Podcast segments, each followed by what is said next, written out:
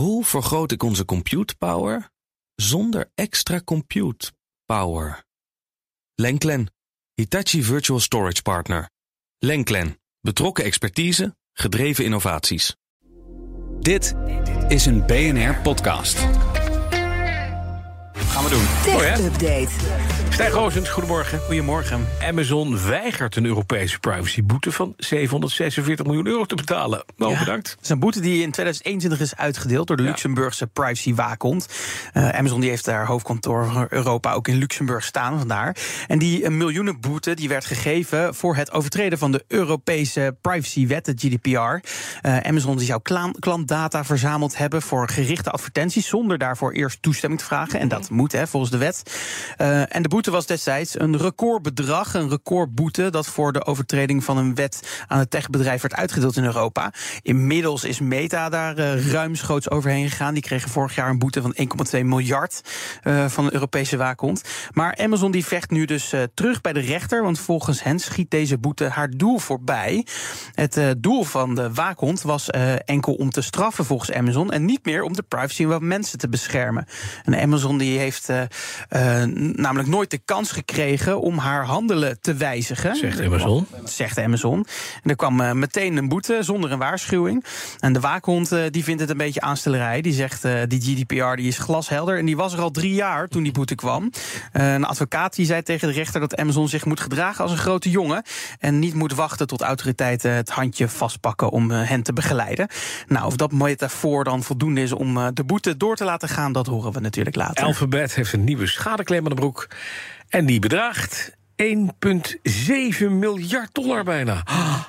Au. dan. Dat is, eh, dat is geen, eh geen, eh, wij- Nee, geen kattenpiespartij. En, eh, dat, dat geld wordt gevraagd vanwege de ja, gepatenteerde technologie die Google inmiddels gebruikt voor ja, leuke nieuwe AI-technologie. Mhm. Dat zou namelijk technologie zijn die gepatenteerd is door het bedrijf Singular Computing. Dat is een ontwikkelaar van AI-hardware en software, opgericht door Joseph Bates. Dat is een voormalige computerwetenschapper van het MIT.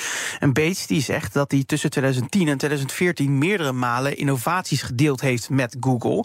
En die zijn zonder zijn medeweten gecom- eh, gekopieerd.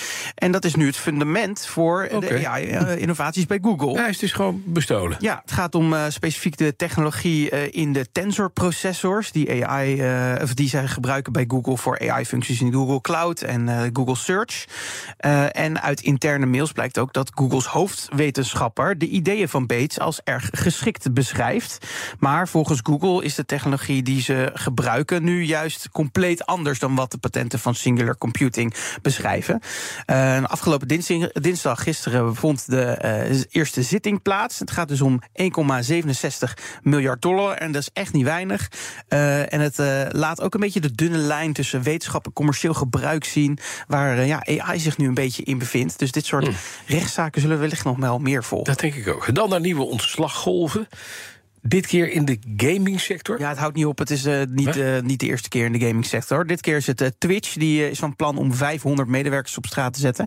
Dat is zo'n 35% van het huidige Zo, personeelsbestand. zeg nog wat. Ja, Twitch is al negen jaar lang officieel onderdeel van Amazon. Het is een livestreamingdienst waar gamers zichzelf streamen. Met meer dan 1,8 miljard uur aan live videocontent per maand.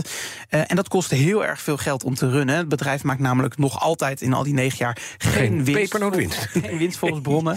Ja. En Bloomberg die schrijft over dit plan. En dat eh, eh, vandaag zou dat nieuws dan ook echt naar buiten moeten komen vanuit Twitch zelf. En het rommelt ook al even bij Twitch. Want de afgelopen half jaar zijn er diverse bestuurders opgestapt. Eigenlijk alleen de CEO die in maart vorig jaar aan het roer kwam, die zit er nog. Ehm, en over 2023 zijn er ook al twee ontslagrondes geweest. Toen kwam, moesten er 400 mensen weg. Dat kwam vooral omdat Amazon zelf moest herstructureren na corona. Eh, en nu dus opnieuw 500 ontslagen. Eh, gisteren eh, kwam ook al het nieuws van een ander gamebedrijf. Unity is een engine-ontwikkelaar.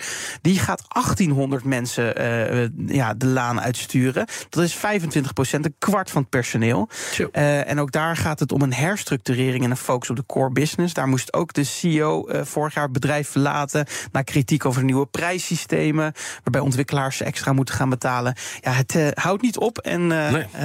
ja, best wel pijnlijk. Ik vind het wel gek bij Twitch. Want als je naar zo'n livestream zit te kijken en je bent fan van iemand, dan kun je dus doneren, kun je een cadeautje ja. geven. Daar zou Twitch dan een commissie aan kunnen opstrijken. Ja. Op TikTok kan dat bijvoorbeeld ook. een platform als TikTok verdient daar heel veel geld aan. Mensen die hun favoriete icoon wat gunnen. Ze maken gewoon de verkeerde keuzes bij Twitch op een of andere manier. Ik denk ook dat ze last hebben van uh, TikTok. Live. Ja, dat denk ik ook. TikTok, wel, ja. En van YouTube. Er zijn ook ontslagen bij Humane, ook een AI-startup. Nog voordat hun mysterieuze nieuwe AI-apparaat uit ja, gaat komen. En daar gaat het maar om 10 mensen. Maar ja, 4% van het bedrijf. Daarvoor een gloednieuwe mm start-up waar nog geen product gelanceerd is. Is dat toch best uniek. Ja. Afgelopen jaar kwamen zij met een AI-pin. Die kondigden ze aan. Dat is een draagbaar schermloos apparaatje. Dat je aan je kleding vastmaakt met een AI-assistent erin. Die moet in maart uit gaan komen voor 700 dollar.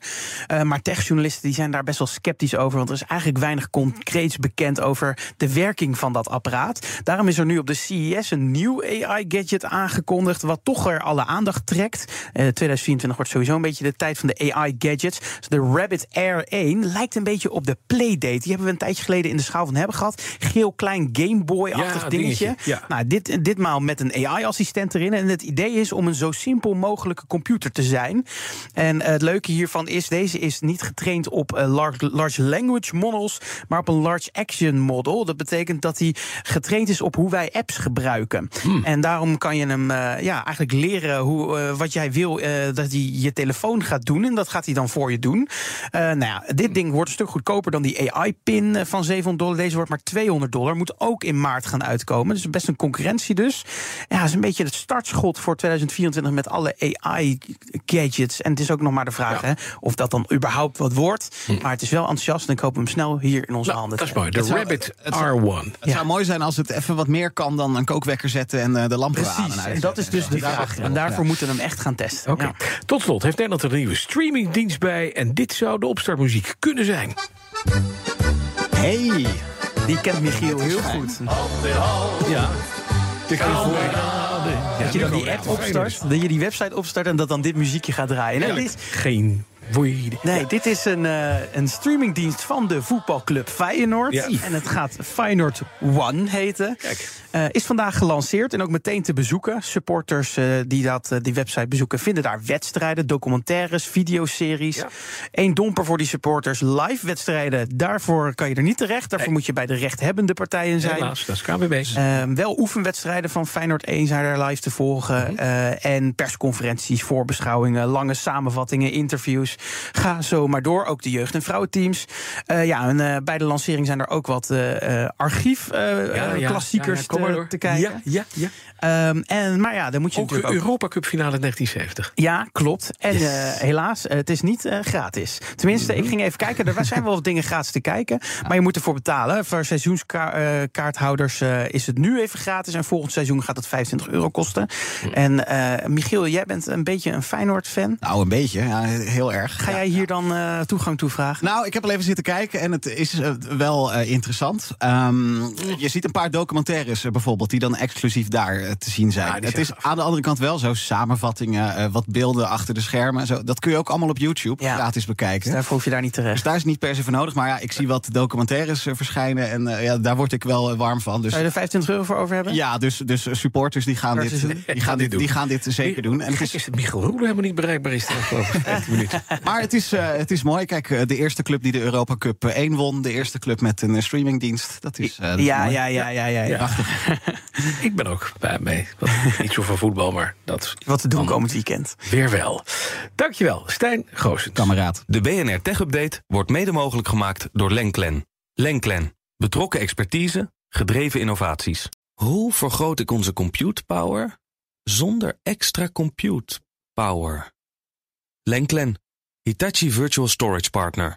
Lenklen. Betrokken expertise, gedreven innovaties.